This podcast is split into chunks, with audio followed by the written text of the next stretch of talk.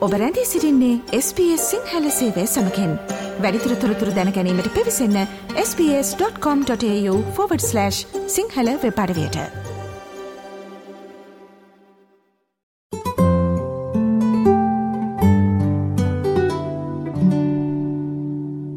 ලබාගත හැකි මට්ටමේ ඇති මංකි පොක්ස් එන්නත් ඔග හිඟ නිසා ඔස්ට්‍රලයාාව ඇමරිකාව සහ යුරෝපය අනුගමනය කරමින් එක් මංකි පොක්ස් මාත්‍රාවක් පහකට බෙදීම පිළිබඳ අවධහනය මුකර තිබෙනවා.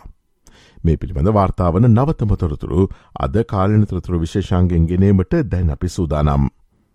වසූරය හා සම්බන්ධ මංකිපොක්ස් රෝගය සමේ වේදනාකාරිත්තුවා ඇතිකරන අතර රෝහල්ගත කිරීමට පවා අවශ්‍ය විය හැකි රෝගී තත්ත්වයක්. මාංකිපොක්ස් රෝගය තවමත් ලිංගාශ්‍රිතව සම්ප්‍රේෂණය වන ආසාධනයක් ලෙස වර්ගීකරණය කර නොමැති අතර එය මේ වන විට බොහෝදුරට සමලිංගිකව හැසිරෙන පිරිමින්ට බලපෑ ඇති අතර ප්‍රධාන වශයෙන් දිගුකාලින සමීප සම්බන්ධතා හරහා පැතිරෙන බව සඳහන්.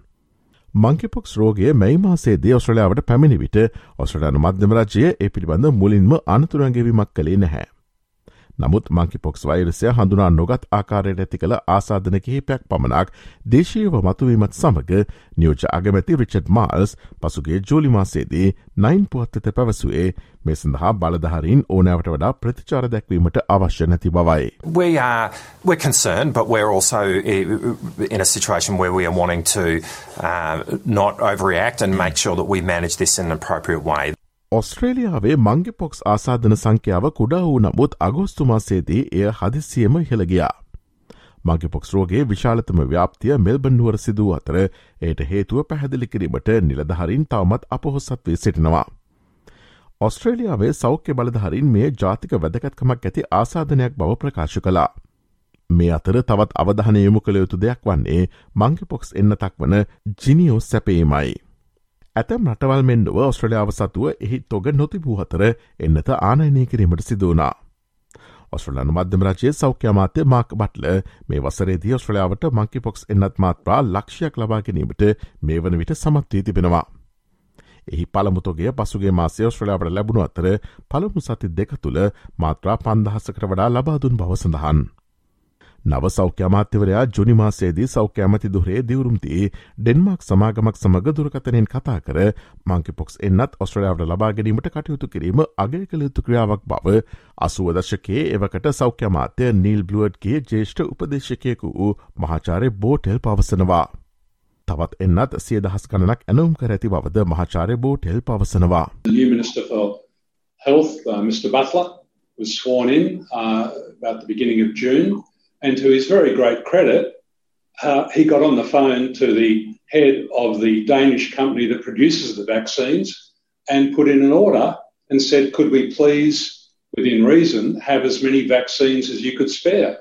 So, uh, unlike uh, the previous government that never got on the phone to the people who were doing the COVID vaccine, uh, Mark Butler did the right thing, got on the phone, uh, got enough vaccines to make a difference in the last few weeks and work very closely with the affected communities, with the state and territory health officials to make sure that those vaccines, when they arrived, were distributed.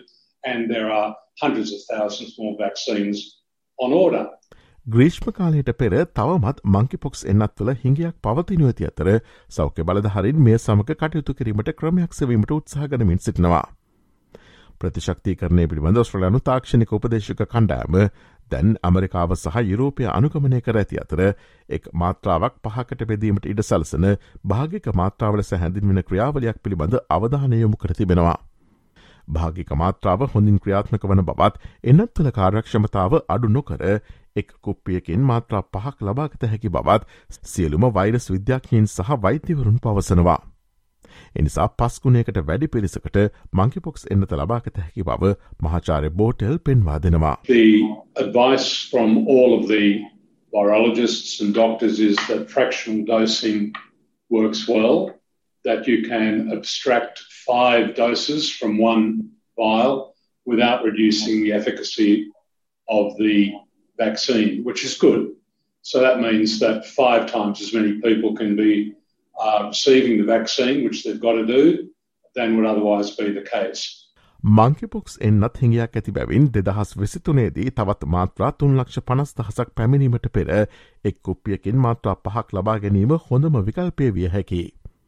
මෙ සතියන්තේ Victorian pride සෙන්ටහි තාවකාලික monkeypox එන්නත් සායනයක් පැවත්වෙන අතර සුදුසුකම්ලත් LGBTIQ පුද්ගලයන්ට ඔවුන්ගේ monkeypox එන්නත ලබා ගැනීමට එහිදී ඉඩක් ලැබෙනවා. දැනට ඔස්ට්‍රලයාාවේ මංකි පොක්ස් රෝගින් එකසේ විස්සකට වඩා වැඩි සංඛ්‍යාවක් සිටින අතර ග්‍රීෂ්ම කාලේ සාධ සමය අතළඟ බැවින් මෙය ව්‍යප්තවීමේ වැඩි අවධානමක් ඇති බව සෞඛ්‍ය බලධහරින් පෙන්වා දෙනවා. ඔස්ට්‍රලයාාවේ අලුත්ම තොරතුරු ස්ප සිංහල සේවේ විසින් දෛනිකවගෙනන කාලීන තොරතුරු ගුවන් විදිලි විශේෂාන්ගෙන් සජීවීව අපි ඔබ වෙතගෙනෙනවා. මේට පසුව සවන් දෙන්න ps.com.tu4/ සිංහල යන අපගේ වෙබ් අඩවියේ ඉහල තීරුව ඇති මාතෘකෑන කොටස කලික් කොට කාලින් ලෙස නම් කොට ඇති වෙබ් පිටුවට පිවිසන්න. SBS SBS SBS SBS SBS Radio